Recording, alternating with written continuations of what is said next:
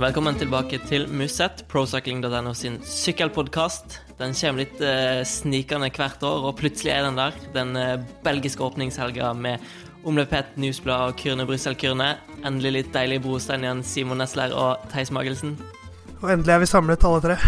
Det er en stund siden sist, føler jeg. Så passende at eh, når klassikerne virkelig begynner, så samles hele Musett-redaksjonen. Da trår vi til.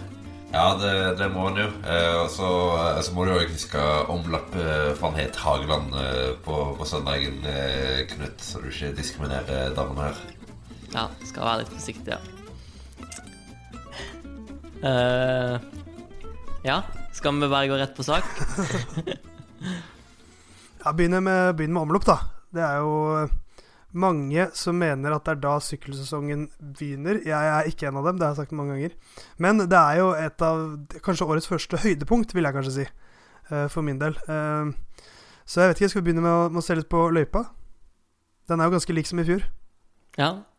Oraklet fra Tasta er jo vår løypesjef. Eh, ja, den er vel ganske lik som i fjor, som du eh, sier, Theis. Både for eh, både for herrene og for damene. Eh, og det er jo denne ja, gode, gamle, klassiske finalen fra, fra Flandern rundt med, med Kapelmur og, og Bossberg til slutt, som eh, virkelig eh, gjør at det blir en eh, hard finale. Eh, vi kan vel si at at rittet virkelig begynner å ta seg til når du kommer inn i ja, i, i Volvenberg, som er 55 km fra mål. Og derfor, derfor så kommer bakkene ganske tett, eh, med bl.a.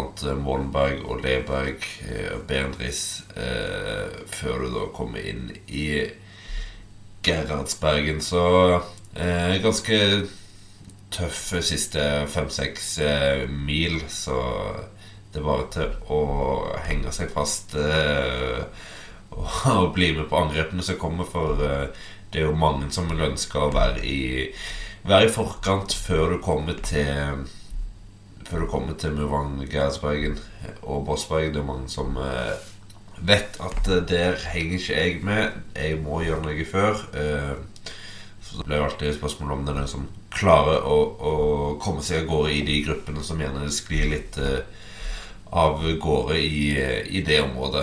Um, for damene er altså ganske likt. De har samme de siste to bakkene som finale.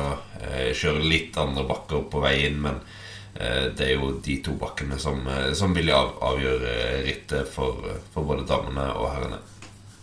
Virker vel litt sannsynlig at, at vi får noen spurt her. Begynte å tenke litt hva er Når var sist vi hadde en man kan kalle samlet spurt i omlopp? Hadde, altså Mikael Valgren vant jo solo for noen år siden, og da var det spurt bak han, men er Thor Hushovd rett og slett forrige vinner av Omlopp et newsblad, der det var noe man kan kalle en spurt, i 2009? Det var jo i så fall, det, det var jo i så fall et helt annet uh, ritt med tanke på, på, på filen, men en, ja, men en skal jo for så vidt huske at de siste to årene som har hatt denne avslutningen, eh, som kjennes så godt fra Flandern rundt tidligere, så, så har det jo faktisk vært en ganske stor gruppe samla over Bossberg. Det har vel vært rundt ti ryttere, åtte-ti ryttere begge årene. Så det i seg sjøl er jo egentlig en ganske stor gruppe. Men så har det jo da kommet angrep eh, mot slutten. Men eh, nei, Theis, jeg tror ikke det er realistisk at du, du får noe mer enn åtte-ti mann, i hvert fall. Eh, det er nok en absolutt smertegrense, det. Du nevnte litt å være Hvis vi går videre til favoritter, da, og apropos å være i forkant spesialisten der skal jo ikke være med, Simon. Nei. Min, eh, min store favoritt, eh, Dullen van Balen, som jo åpna sesongen strålende i Australia, så jeg så ut til å være i glimrende slag der etter å ha ligget nede i trening i ganske lang tid i forkant. Eh, så jeg gleder meg virkelig til å se han igjen i Europa, men så ble han jo fikk mageproblemer før starten i Algarve. Og dessverre ute av klassikeråpningen, så der nå er jo hele rittet helt åpent igjen. Det, det, var jo en soleklar favoritt, men uh, nå, nå, kan jo alle vinne. Men hvis, vi skal, uh, hvis jeg skal få plukke fram uh, noe, da, så syns jeg, man, jeg synes man kan begynne med de som vant i fjor. Uh, de kunne i Quickstep. Stenek Stybar som tok sin første virkelig store brosteinseier i omlopp et newsblad i fjor, da han, eh, han uh, sa FU til Greg og stakk uh, like før uh, siste kilometerne og vant solo. Um, det er jo en litt sånn ny vår for om The Cunny Quickstep, bokstavelig talt. Um, litt sånn nykomponert lag. Borte er Nikki Terpstra, ikke Philip Gilbert. Men, men, hvis jeg leser opp laget uh, til Quickstep for dere gutter, så kan dere si hva dere syns. Det er Stenek Stybar, Kasper Askren, Tim de Klerk, Bob Jungels, Ilo Keise, Yves Lampert og Florian Seneschal. Det er jo ikke gærent, det heller. Nei, det er jo ganske brukbart. og de vil jo stille med eh, to-tre ryttere som nok hører til i ja, Kall det topp ti av favorittsjiktet. Eh, og den største styrken deres er jo selvfølgelig det, det, laget de kan stille med. For her kan jo ja, Hvis vi skal snakke godviljen til, så kan jo egentlig alle på, på en god dag med helt frikort eh, og en riktig tukling i som spiller inn på sånn som gjør at de kan få et parastat, egentlig være med å kjempe i toppen. Men det er jo spesielt uh, Stybar, Askren, Jungels, uh, Lampart og Seneschalen vil ha forventninger til. Eh, så med tanke på at uh, Dignalisa Senchal er for så vidt en grei spurter, Stuber er en grei spurter i, i gruppa. Det er for så vidt Askren òg, men de vil nok uh, være på offensiven tidlig og prøve å lage til et, til et hardt ritt. Og så blir det veldig spennende å se hvor rytterne står, for det er jo det en alltid er så, usikker på når du kommer inn i, i omlopp. Og kanskje spesielt i år, hvor jeg føler at en ikke har hatt noen sånne voldsomme prestasjoner fra de, fra de typiske brosteinsekspertene så langt. Så uh, Styber eh, kjørte for så vidt greit nede i Argentina, men det begynner, begynner, å bli en stund siden, det òg. Så jeg tror det er et eh, veldig åpent ritt, og jeg tror det kan Quickstep kommer med veldig mange gode kort. Mm. Ja, de har jo en eh, strålende bredde. Eh, så var jo et lite narrativ i fjor, da, med, som Theis nevnte, med Stybar og van Havermat. Eh, og så har jo eh, van fått forsterka troppen rundt seg litt. Han led jo en del under svakt lag i fjor, og spesielt fått inn Trentin, da. Eh, så det blir jo spennende å se hva de kan utrette mot Quickstep, da. Ja, eh, det er jo veldig spent på dynamikken mellom de to. Vil, mange vil kanskje tro at Trentin er den som kommer til å bli spurteren av de to. Jeg er ikke så sikker på det. Han har jo tatt noen av sine største seire på veldig offensivt vis. Så de er jo egentlig, egentlig ganske like som ryttertyper, for de er ganske offensive begge to. Eh, Trentin kanskje hakket mer spurtete av seg, men van Amat kan jo jaggu spurte raskt, han også. Eh, det har vært mye, en del nesten for, for Greg i siste brosteinssesongen, Knut. Tungt for deg å se, selvfølgelig. Håper du på på klaff nå? Og tror du det blir klaff? Uh, nei. Egentlig ikke. Men jeg håper jo selvfølgelig. Men uh, han har ikke utmerka seg så voldsomt uh, så langt, men det kan jo være både positivt og negativt. men det blir spennende å se hvordan de spiller ut hverandre, ja. Jeg syns egentlig Greg har sett veldig bra ut så langt med tanke på de rittene han har kjørt. Altså Valenciano og Algarve kan jo åpenbart ikke har sjanse til å vinne rittene sammenlagt. Men han har jo på en måte hengt veldig bra med. Jeg har blitt nummer 20 i Valenciana og 13 i Algarve. Så grunnformen hans er jo åpenbart veldig god. Eh, klatrer veldig bra. Eh, og så er spørsmålet om øh, hvordan det på en måte la seg overføre når det kommer til mye mer eksplosivt eh, ritt nå i, i, i Belgia. Men eh, for min del så, så, tror jeg Greg er mannen å slå. Jeg er litt spent på Trentin. Han har, han har, ganske mange rittdager. 18 rittdager allerede. Eh, så jeg tror han satser på å være flying fra start. Trentin alltid flying, så Nei, men eh, han har jo kanskje slitt litt med å få eh, mye god kjøring ut i gode resultater i Brosteinsklassikeren. Det har gjerne skorta litt. Eh, men jeg er veldig som dere sier, jeg er veldig spent på hvordan det samarbeidet kommer til å bli. Jeg tror jeg, Selv om de, som du har vært inne på, Theis, de, de, er ganske like på mange måter, så tror jeg de klarer å kjøre på en måte som gjør at de vil utfylle hverandre bra. Og da, og da er det en vanvittig sterk duo, for ingen som vil ha med seg verken van Armand eller Trentin på et oppløp, med mindre du heter Mathieu van der Poel eller uh, Alexander Kristoff eller Petter Sagan.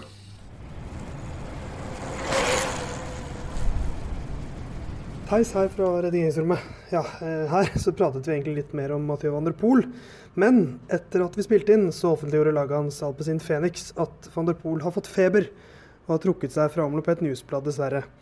Så den delen den falt bort. Men eh, om vi refererer litt til han resten av episoden, så vet du i hvert fall hvorfor vi gjør det. Og nå etter show.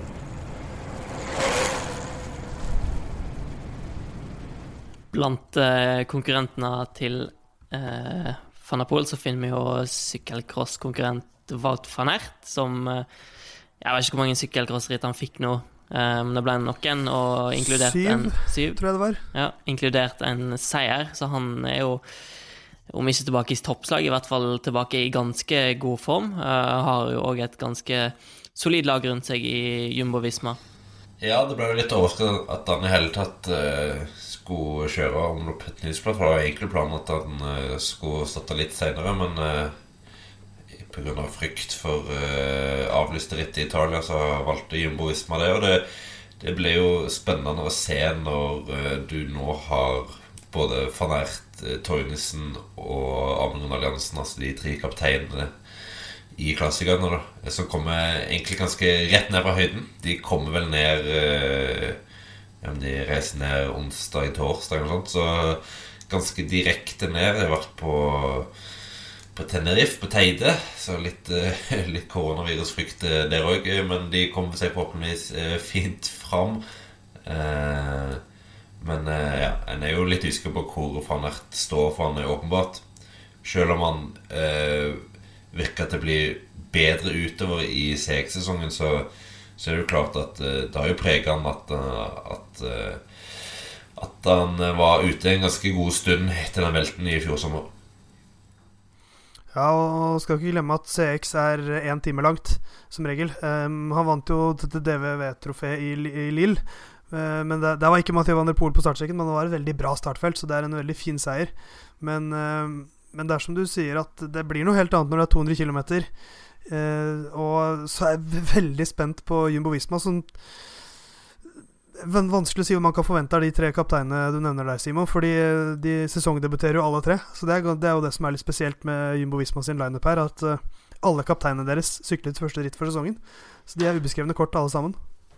Jeg tror van Ert har klart å bygge opp en veldig god grunnform. Men jeg tipper han mangler de siste 5 prosentene som gjør at han klarer å ja, og kjøre veldig høy watt opp Bossberg og, og muren da, og henge med der. Så, men jeg tipper han begynner å nærme seg noe. Ja, det er veldig kult om, eh, om vi klarer å få han tilbake i den samme formelen som han var i i fjor, for da syns jeg han så ut som den kanskje beste rytteren ved siden av Styber i, i rittene inn mot uh, Flandern rundt. Uh, og så ble vel Styber syk der, og van Ert eh, ja, ble sittende i den store gruppa og fikk ikke resultat ut av Flandern rundt. Eh, men eh, eh, jeg syns han så spesielt i Kent Bevelgen, så kjørte han utrolig bra. Så eh, å få han opp på det nivået, så, så ble det jo noen herlige kamper eh, med ja, både si Jumbo Visma mot König Quickstep, nå som Jumbo Visma ser stadig sterkere ut, og denne klassiske eh, sekskampen mellom van Erte og van der Poel, så håper jeg virkelig å se han i, i toppslag, for eh, det, det, bor veldig mye i, i van Erte. Absolutt. Men eh, hvis van Erte ikke Eller hvis han mangler de siste prosentene, så åpner jeg jo litt opp for Amund og noen ritter, kanskje? Ja, jo, han har i hvert fall fått en, på, på forhånd sett en, en, mye større rolle i laget. Det har jo på en måte blitt kommunisert tydelig at at eh, det er van Ert Tønnesen og Gunnar Jansen som skal være disse tre hovedmennene i, i klassikerne. Og det er jo en litt sånn eh, En mulighet for en skikkelig gjennombruddssesong for, eh, for Amund. Og hvis han bygger videre på det han spesielt gjorde i fjor høst, hvor han i en del av de endagsrittene han kjørte der, så veldig, veldig god ut. Så, så skal det bli veldig spennende å følge han. Omløp har jo vært et ritt hvor han har markert seg litt tidligere. Et ritt som han har fått eh, sjanser i de siste årene til å ha en ganske eh, fri rolle. Så jeg forventer vel noe litt eh, det samme i år. Så jeg tipper du får se han eh, være med i disse angrepene som begynner å komme fra, ja, fra Wolvenberg og, og inn. Eh, og så får vi se om han klarer å skli av gårde i, i, i en gruppe. Hello, I'm Alberto Contador and listen to Muschets. Passende nok så var vår redaktør Jarle Fredagsvik på Tenerife for noen uker siden eh, og besøkte Amund Grønn Alliansen på Jumbo Visma sin eh, treningsleir. Nå befinner jeg meg på historisk grunn. Hotell Paradores Las Caneadas del Teide. Og jeg har i tillegg med meg storfint selskap. Amund Grønn Alliansen sitter ved min side. Velkommen skal du være, Amund. Eller er det du som skal si velkommen til meg? Ja, eh, takk i alle fall. Eh, jeg har jo vært her lengst, så er det kanskje jeg som sier velkommen. Men, eh, Nei da. Ja. Det er jo jeg som eh, hopper inn i, i deres treningsleir. Du har vært her i underkant av en uh, uke nå. Hvordan har det vært så langt? Ja, det er jo rolig her, så det har vært uh, stille og rolig. Sykla litt og slappa litt av, så det er det det går i. Du, For de som ikke har vært på Tenerife før uh, og ikke vet hvordan det ser ut her, hva, hva er det dere rytterne sitter og ser på når dere sykler rundt, i hvert fall her oppe på platået hvor vi er nå? Mye, det er mye stein. Uh, vulkansk stein, mye lava. Så det er stort sett det det går i her oppe i høyden. Da. Det er jo en nasjonalpark, så det er veldig beskytta. Veldig lite sivilisasjon og mye, mye lava. Ja. Det er vel sånn at uh, første uka i høyden så skal man ta det litt pent. Hvordan har, uh, har dere lagt opp det fram til nå? Uh, første, første par dagene tok vi det ganske så pent, ja. litt også fordi Mike kom jo fra lavlandet. Han hadde heller ikke brukt noe høyere telt i, for, i, forkant. Jeg satt i Andorra noen dager i, eller en ukes tid i forkant, da, så det var ikke voldsomt behov for å ta det ekstremt rolig. Men jeg trente en del før jeg kom, sånn at jeg kunne ta noen hviledager eller noen roligere dager med Mike. Uh, så han kunne komme litt inn i det. Og så i uh, forgårs hadde vi vel den første lengre treninga, og i går hadde vi den første høyintensive treninga, Så det er vel allerede ganske godt i gang. da.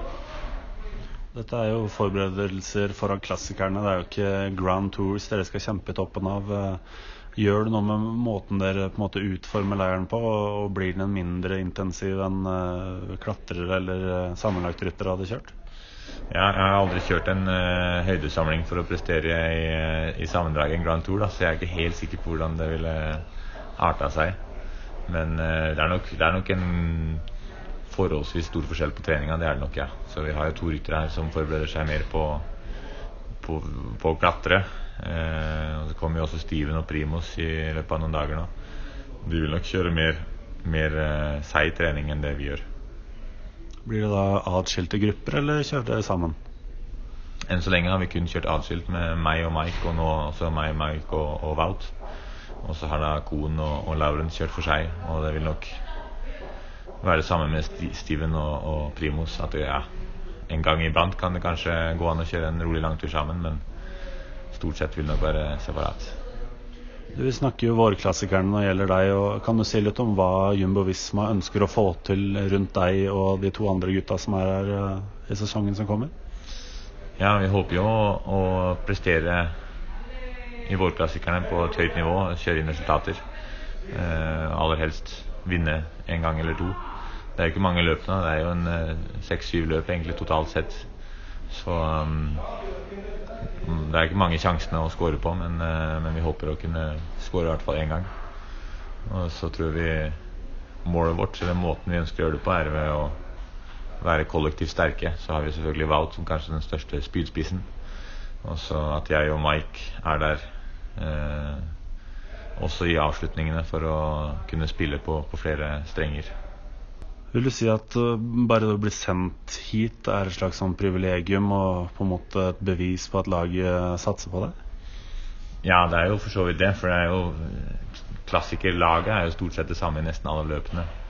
Uh, men det er ikke alle som blir sendt på den samlinga her, kan du si. da Så det er, hva skal si, det er et tegn på hvem som hvem som det ses til under, under klassikerne. Da, hvem de håper at skal kjøre inn resultatene.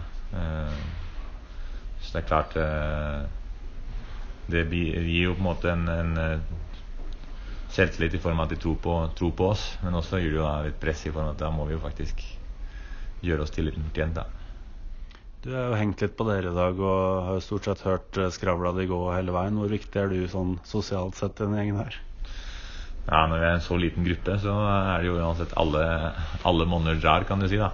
Hvis det er en samling sånn som i januar-desember, i hvert fall desember er jo alle rytterne til stede omtrent. Så da, da trenger man ikke å å ha 30 snakkesalige ryttere. Men hvis, du, hvis man kjører litt, eh, en litt stille og beskjeden stil med, med tre mann, hvis alle tre er, eh, er bare er stille, så blir det jo rimelig kjedelig etter hvert. da Så vi har en fin, en fin trio, syns jeg, sånn sosialt sett. Så vi klarer å, å, klarer å komme oss gjennom lange dager. Du, Bortsett fra høydeleir, er det andre på en måte store endringer på hvordan dere tilnærmer dere klassikeren den gangen her? Nei ikke, ikke sånn veldig. Eh, Robé har vi jo allerede vært innom og kjørt, kjørt noen, eh, noen ganger på, på ny sykkel, i og med at vi har en ny sykkel for det løpet. Uh, utover det så er det ikke noen sånn veldig store forskjeller, annet enn at vi da bytter bort enten å kjøre Valencia eller Algarve med å kjøre en høydeleir her. Da.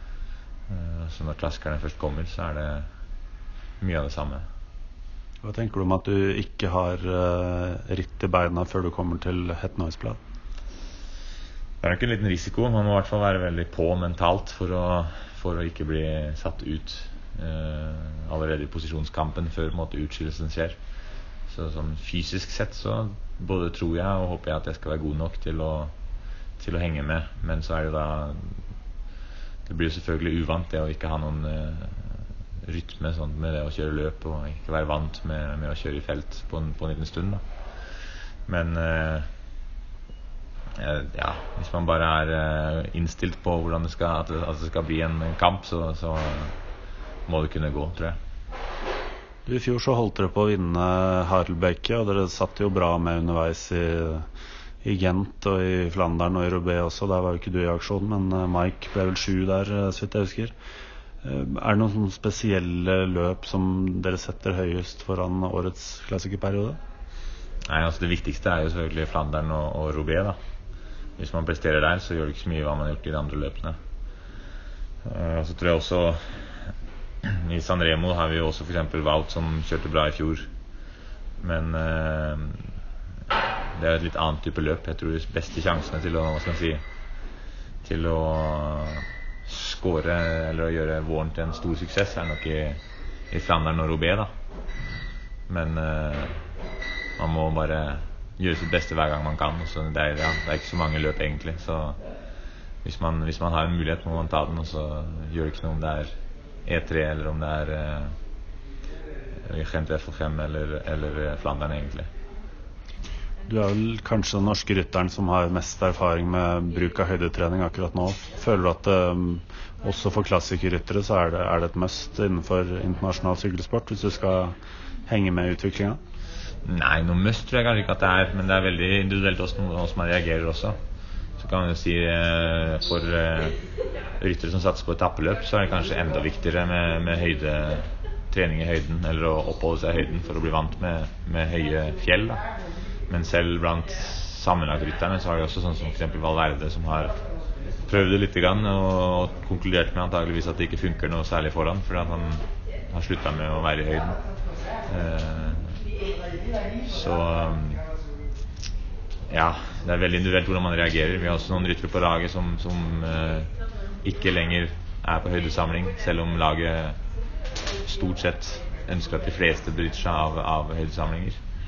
Så uh, noen responderer bra, noen responderer egentlig da bare negativt. Du har blitt 26 år, stemmer det? Voksen mann. Ja. Uh, si litt om ambisjonene du har foran årets uh, vårklassikere. Jeg håper jo at jeg nå eh, langsomt skal begynne å, å kunne kjøre inn, inn, inn, resultater. Det er det som er eh, målet. Eh, så må jo, man må jo begynne et sted. da Jeg har vel ikke vært i, i vårklasserne har jeg vel ikke vært topp ti ennå. Selv om på høsten i fjor at jeg begynte å kjøre noen bedre resultater på, på worldtour-nivå. Så man må jo starte et sted. da Være blant de ti beste. Så kanskje være blant de fem beste. Men hvis man kan være blant de ti eller fem beste, så kan man jo like godt stikke av med seieren plutselig.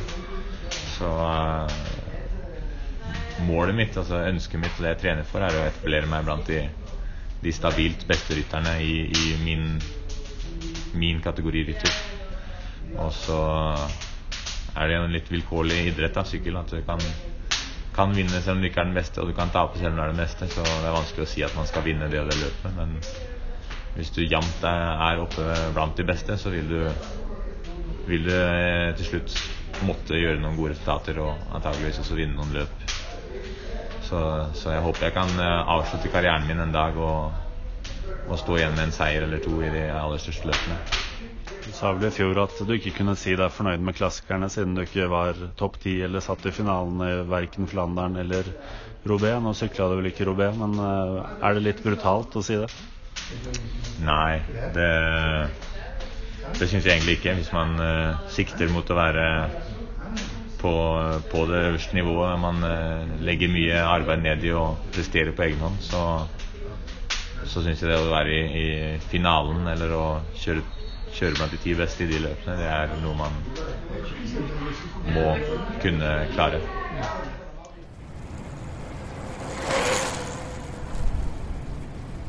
Eh, I tillegg til eh, Amund, så er det òg fire andre nordmenn til start. Det er Alexander Kristoff og Vegard Stakkelangen i UAE Team Emirates og Edvald Baason Hagen og Rasmus Tiller i NTT Pro Cycling. Eh, og eh, en faktor vi ikke har nevnt ennå, eh, er jo været. Og Gino van Odenhove har meldt at det er gode forhold for Alexander Kristoff. Så det blir spennende å se hva han kan få til. Har jo aldri klart helt å lykkes i omlopp. Kjørte det sist i 2017. Men han har jo relativt ja, ikke spesielt godt lag rundt seg. Altså, det er mye som taler for at det ikke skal bli seier der i år. Han har, han har en ellevteplass som beste resultat. Ellers har han den 77., 200 førsteplasser og en 138.-plass.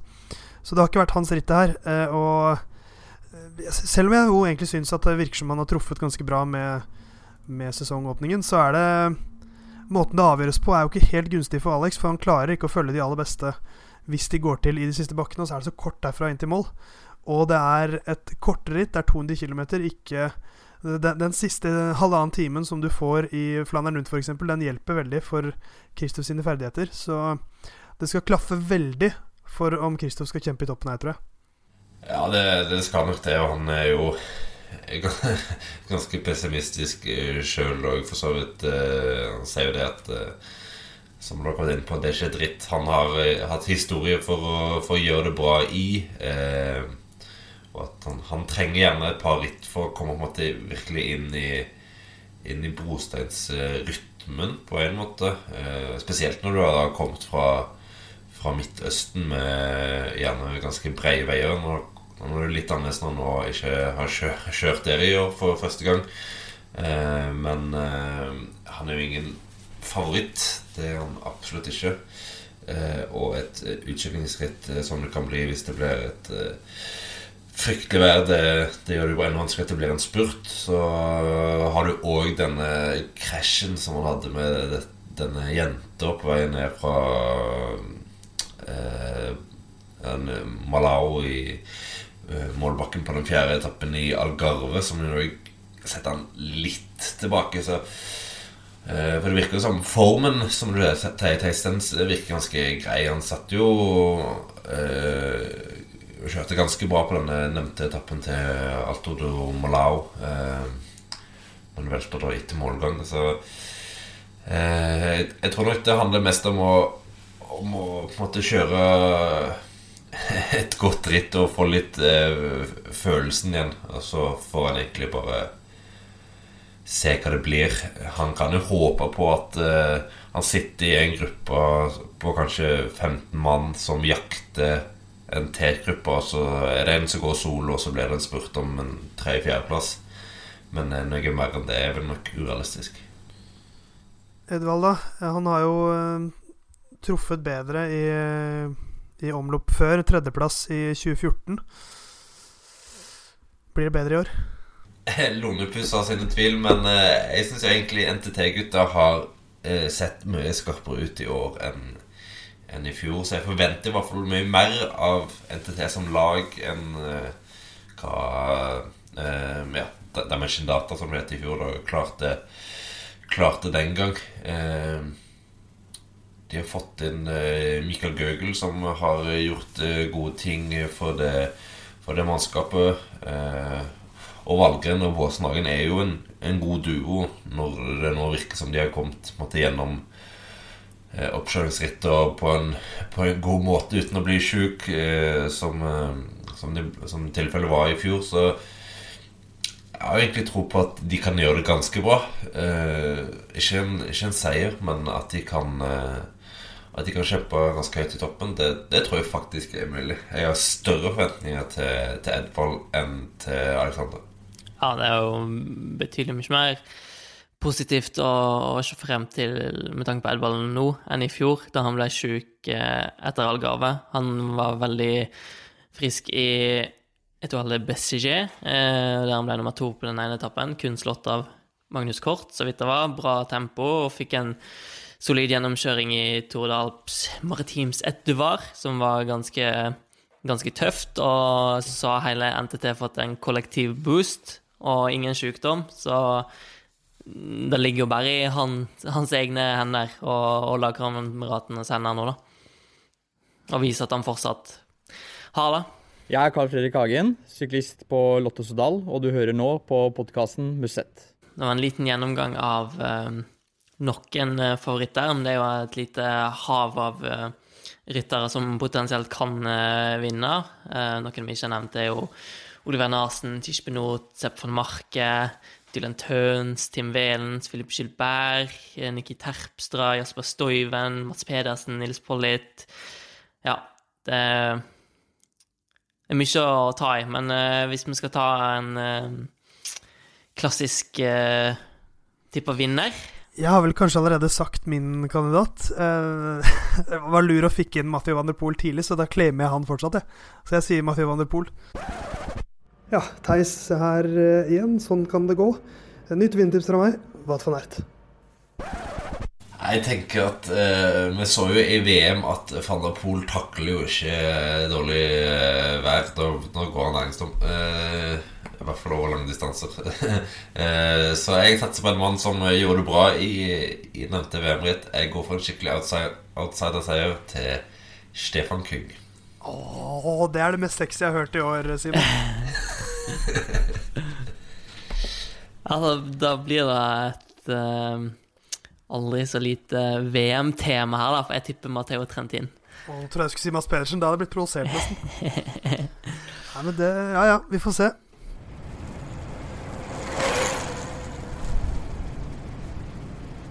Vi hopper videre til søndag, hvor det er Kyrne Brussel Kyrne. Eh, har jo ofte endt i en spurt, men følger nå trenden som vi ser i mange andre ritt i sykkelverden, at de har eh, gjort løypa en del hardere, Simon.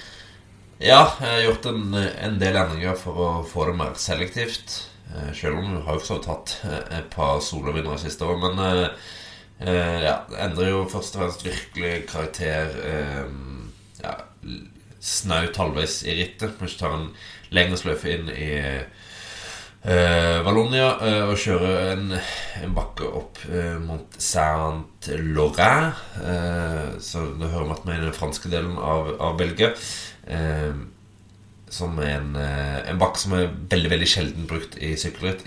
Av og til brukt i et par av disse mindre som går i området. Så et nytt bekjentskap for, for rytterne, stort sett, i, i rittsituasjonen.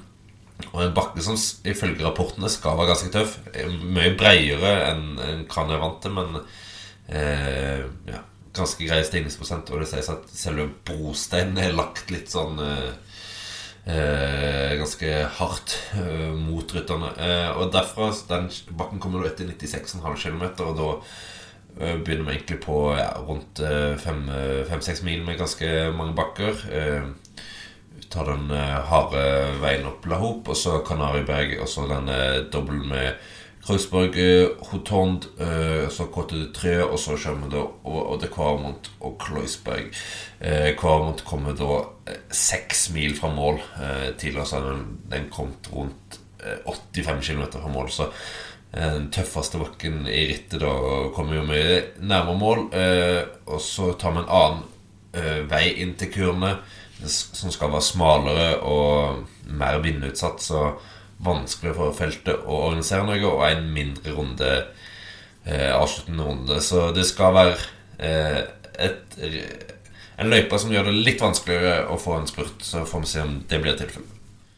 Ja, for det er jo fortsatt eh, Det er litt med De har på en måte flytta de hardeste delene av rittet fra midten til eh, siste tredjedel, på en måte. Men det er jo fortsatt da hva skal man si fire-fem mil på slutten der uten noen ordentlig brosteinsbakke. Selv om det er smalere og mer, mer vanskelig, så er det fortsatt uh, mulig å få samla det her, tror jeg.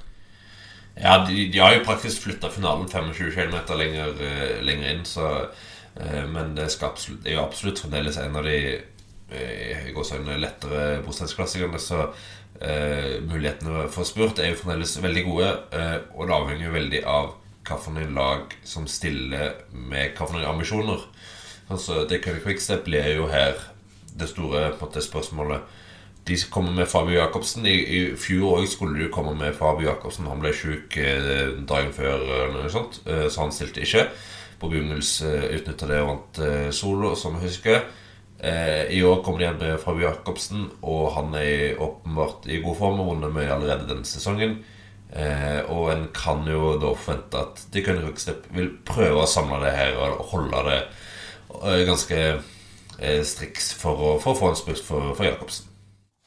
Ettersom hvordan løypa er lagt opp nå, så blir det veldig spennende den dy dynamikken med spurt, ikke spurta. Eh, og vi har jo flere gode norske avsluttere med her. Kristoffer eh, Baasand Hagen stiller begge to, og inn kommer òg Kristoffer Halvorsen. Ja, EF-rytteren der, som jo egentlig skal satse mindre på bostedsklassikerne i år enn eh, tidligere. Eh, eh, får vi se helt hva lag EF kommer. Det er ikke helt eh, klart, men eh, ja, Det skal bli spennende å se om han klarer å overleve, og om han eventuelt er med i en spurt. Så har vi òg med Daniel Holgaard som det kanskje fremste kortet for UnoX, sammen med ja, Erik Norsæter, Resel, Anders Gårdseth, Markus Holgaard, Jonas Abrahamsen, Lars Saugstad og Jonas Iversby Widerberg. Så helnorsk lag eh, for UnoX, som eh, ja, er vel en av de virkelig godbitene på, på vårprogrammet, dette for, for de. Skal virkelig få kjørt seg her mot uh noen av de aller beste. Dette er jo eh, ikke et, eh, et World Tour-ritt, men eh, noe pro-ritt, eh, som man kanskje kan kalle det. Eh, men det er jo fortsatt eh, ganske stort. se på Kristoff, for å begynne med, begynne med han, kanskje. Omlopp har jo ikke klaffet, men Kyrne har han jo vært veldig nær å vinne. To andreplasser i 2015-2016. Har også en niende- og en ellevteplass og, og en 21.-plass som dårligste, så her har de jo stemt litt bedre, som regel. Ja, det har stemt mye bedre, men spørsmålet er jo om han eh, får sjansen til å spurte sjøl hvis det blir en spurt. For Jasper Philipsen er vel både en uttalt kaptein ifølge pressemeldingen som kom i går, og Kristoff har jo sjøl òg eh, signalisert at uh, så lenge han skal kjøre omlopp, så er det fort naturlig at han er mer sliten, og at de derfor vil gå for Philipsen i en avslutning, om de begge to er der. Når dette er jo alltid viktige, store visse. Hvis de begge er der. Det, det, det, er alltid Du vet aldri om det er tilfellet.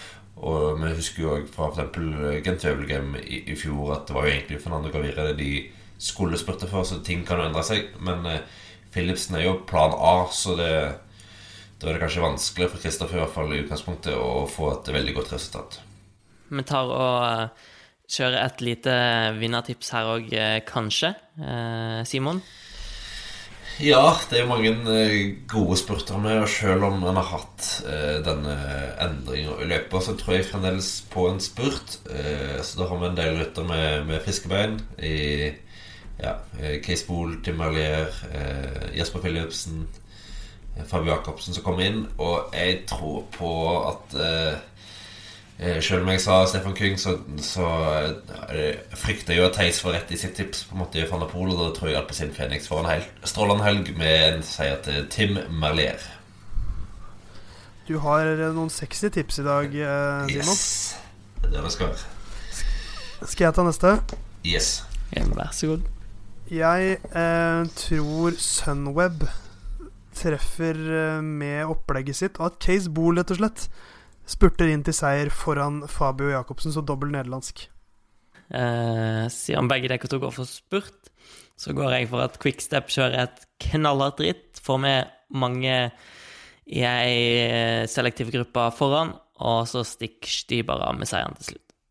Hello, I'm Alberto Contador and listen to Muschet. Vi snakka litt om eh, kvinnene sitt omlopp, Het Newsbladet, som går i forkant av herrene sitt lørdag. Det er veldig lignende løyper, bare at bakkene er stokka litt ompå. Men så er det jo samme avslutninga da, med Murkapelmur og Bossberg. Um, og vi har jo ganske god norsk deltakelse der. Det har vi. Susanne Andersen uh, starter sin, uh, sin andre Sunweb-sesong uh, på lørdag. Så det blir spennende å se hva hun får til. Det blir fort kanskje Coin Rivera som uh, havner foran henne i uh, en eventuell kø uh, om kapteinsrollen. Drops sykler der. Emilie Moberg skal i, hvert fall sykle. Tror også Elise Marie Olsen skal, skal med, så det blir spennende. og Hightech stiller selvfølgelig med Har vel kanskje ikke gitt ut laget ennå, har de det? Idet vi spiller inn dette på torsdag? ifølge vår redaktør, som jeg antar har eh, fått det her fra Karl Lima. Eh, mulighet han ikke har fått det fra Karl Lima, men i hvert fall så skal dere Vita Heine, Greta Regiod, Lucy Vandra, Julie Meyer Solvang, eh, Ingrid Lovik og eh, Natalie Midtsven. Det er identisk med Pro Cycling Stats, bortsett fra at Ingvild Gårdskjenn er bytta ut med Natalie Midtsven. da ja, så i hvert fall en, en del uh, norske ryttere. Eh, Vita Heine er vel kanskje det, det fremste på en måte håpet.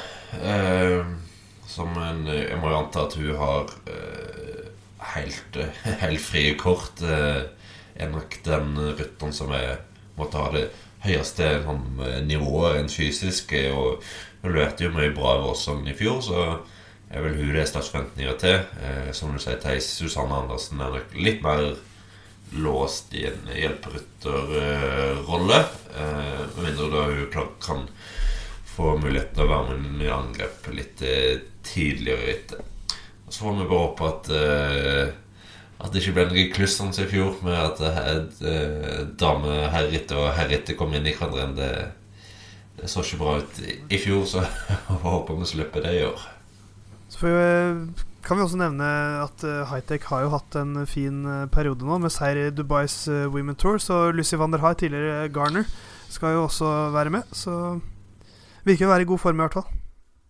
Hvis vi skal se litt på andre store navn Nå er jo ikke så mye å ha som referansepunkt foreløpig, da. Men har jo fjorårsvinneren Bastianelli vant i show i fjor, eller ble det nummer to? Chantal ja, Black vant i fjor. Ja, det var Chantal Black som vant i fjor, ja. Eh, ja. Solo foran, eh, foran Bastianelli, som uh, var minutter bak, da, så hun var ganske suveren. Uh, men, uh, men, hun er med i år også. Bål Stolmans og Chantal van den Broch Black, som hun heter nå, på catchy vis. hun er jo en av kandidatene. Ja. vi så jo at Hanna Breggen var fortsatt veldig bra i i Valenciana i det rittet som damene hadde nå eh, forrige, forrige, uke. Så hun virket å være i, i godt slag. Eh, Anne van Fløyten kommer òg, eh, og, og, så har du òg ja, Bastianelli som dere er inne på. Så eh, jeg ser for meg at det blir en kamp mellom, mellom de tre, egentlig.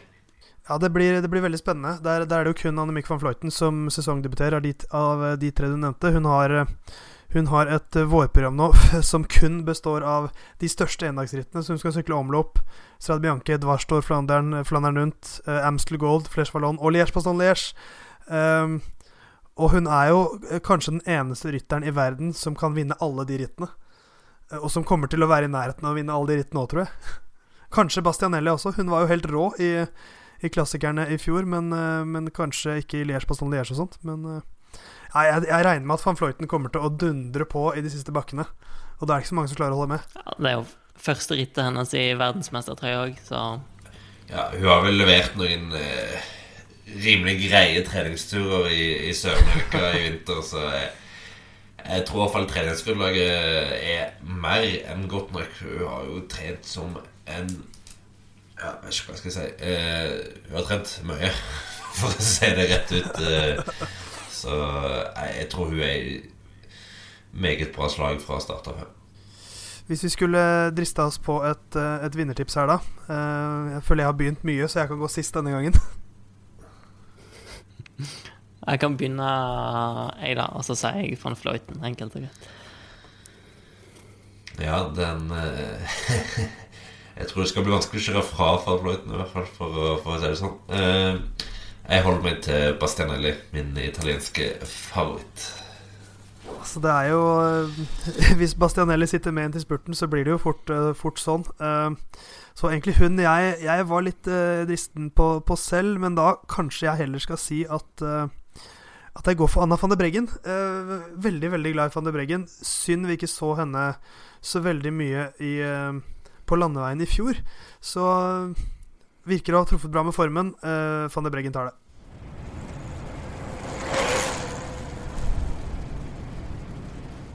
Vi går videre til den norske sykkeluka uh, og tar en liten recap på noen ting som har skjedd. Um, starte i Algarve, da, kanskje? Det kan vi gjøre. Uh, flere nordmenn der. UAE, UAE hadde jo Kristoff. Uh, Uno X stilte der. Eh, de var topp ti på et par etapper. Daniel Holgaard spurtet eh, ganske bra. Eh, en femteplass og en niendeplass ble det vel, mens Kristoff hadde to fjerdeplasser, om jeg husker riktig. og Andreas Leknesund kjørte bra, både på tempo og i sammendraget. Ble nummer 19 til slutt. Remco Evnepol vanskelig å gjøre noe med. ja. Går mot 1. februar uten Kristoff seier, da. Mindre han vinner om Monopet Newsblad, så Litt uvant for det. Uh, uvant for han det. Uh, og så hadde vi da i i Ruta del Sol så hadde vi jo eh, en uh, rivaltrio i, Kristian Aasvold, Sondre Holst Enger og Sinde Lunke. De eh, kjempa ikke noen toppresultater. Eh, var ikke et godt ritt for eh, Sondre sånn rent profilmessig, for det var jo ingen spurter, rett og slett. Eh, eh, mens Aasvold ja, hadde et par positive resultater, kan man vel si absolutt. Han eh, leverte eh, veldig bra til å være neoproff med en ja, 17.-plass på den etappen. var Tøff bakavslutning. Yes, I UAE-to så har det jo vært ganske rolig for, eh, for nordmennene. Bystrom har jo som hentet gjort en eh, ja, fin hjelperytterrolle for UAE. Eh, Karl Fredrik Hagen hadde jo litt forhåpninger til, men eh, en litt trøblete oppladning med, med virus. Og så nå spiller vi inn da et par timer før eh, den femte etappen opp til Jibel Hafid. Men på den tredje etappen opp til samme bakke så, så, ble det ganske tøft for han. Det var jo fryktelig varmt, så det har jo òg eh, en del å si. Så han var ikke helt akklimatisert til det. Så ikke noe stort å skrive hjem om, men eh, med, med, en god gjennomkjøring og en kropp som virker bedre, så blir det forhåpentligvis bedre til neste gang. Så kan vi jo nevne Setmana Cyclista Valenciana også, der eh, det jo da van de Breggen som nevnt eh, vant. Eh, flere nordmenn som markerte seg der. Stine Borgli veldig bra med på etappen som van de Breggen vant. Der ble hun nummer seks, riktignok nesten fire minutter bak, men sånn blir det noen ganger. Vita Heine og Katrine Aalerud var ikke så veldig langt bak de heller. Moberg nummer sju på den tredje etappen. Og på eh, den siste fjerdeetappen så var da Katrine Aalerud eh, helt med der framme og var nummer fem. Fem sekunder bak, og Stine Borgli ble damer nummer seks. Så i sammendraget Aalerud på niendeplass og Borgli på tiendeplass. Ja, så ganske bra, de to. Eh, Borgli ser vi jo òg i omlopp eh, Nett Hageland på, på søndag, eh, hvor hun kjører for ja, da Frans Edde sjøl. Dette her var jo et ritt for, for, landslaget for alle de nevnte utenom eh, Moberg, som kjørte for Drops. Eh, I Hageland så har vi jo òg en del av de samme rytterne som hadde i het Newsblad. Eh, eh, og så har vi jo da Hightech med, eh, og en del andre norske ryttere. Og nå så jeg startlista, det står faktisk ikke Borgli likevel. Hun skulle kjøre det, men har åpenbart uh, blitt tatt ut av en eller annen grunn. Så det er ikke helt grunn til det. Så har vi òg to franske endagsritt i helga. Er Royal Bernard Drôme Classic og Faun Ardèche Classic, hvor eh, Odd Christian Eiking og Sindre Lunke stiller i begge. Eiking for Circus Vantigobert og Lunke for Rival Readiness. Eh, sammen uh, noen som skal i aksjon på Rådås, deriblant eh, procycling.no sin egen Magnus Drivenes. Eh, og et, vel ett endagsritt og et etapperitt der, eh, som Uno X òg stiller i. Og Joker. Og Joker, ja. Så det, og Drivenes sitt eget uh, Bygdø IL. Uh, noen andre norske klubblag som skal? Asker skal. Uh, så det er litt uh, diverse uh, norsk deltakelse der, i hvert fall, som det har vært i de siste årene. Så det har jo gitt en del gode statter, så det kan fort bli det samme i, i år. UnoX kommer bl.a. med Erlend Blikra, så kan det bli spennende å se hvordan, hvordan spurtbeinet hans er nå. Men vi vet alle hva vi kan forvente av Rådhusrittene. We expect a lot of fun. ja, og apropos da, det er lagpresentasjon på lørdag, så vidt jeg husker Drivnes fortalte. Og om han skal prøve seg på mikrofonen igjen, er ja.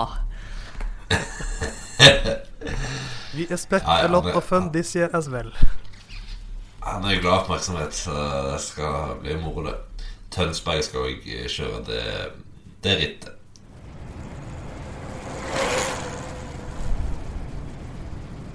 Vi går videre til våre to andre spalter. Eh, slakt og hyllest, rødt startnummer og Lantern Rouge. Eh, og vi starter på, den, starter på minussida med Theis.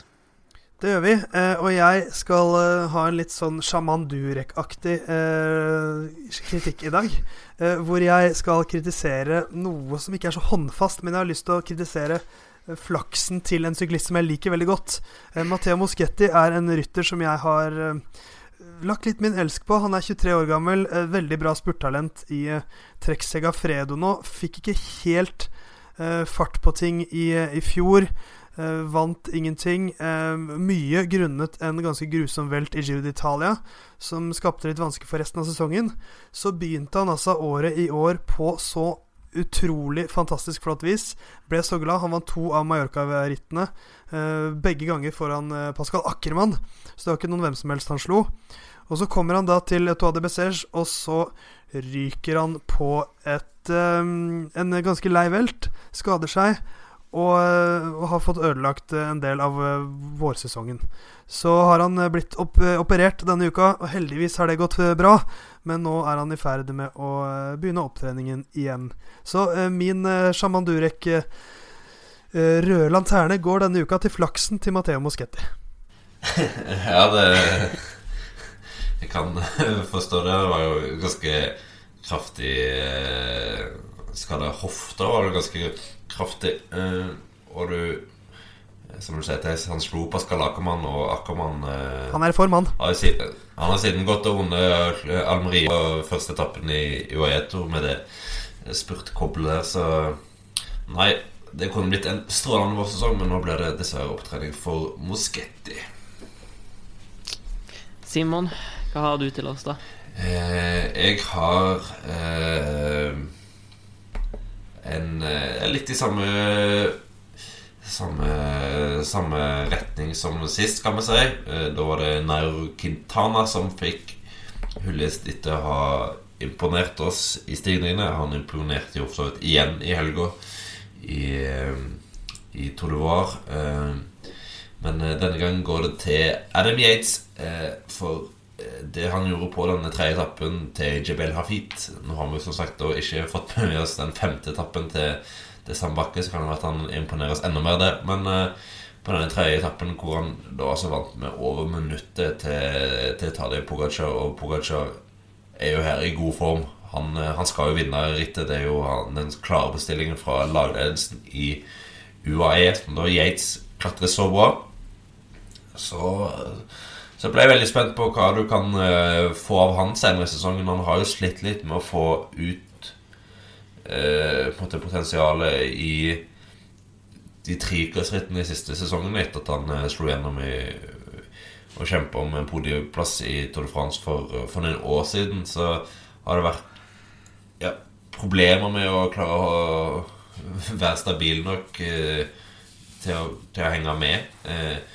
Men eh, hvis han klarer å levere sånn type kjøring jevnt, så, så er det ikke mange som slår han, for det sånn. For det var da en eh, ny rekord opp eh, Feet i en ja, steikende varme. Så den eh, gutten der er flying for øyeblikket. Så bygg videre på det, så skal det bli spennende å se hva det blir til.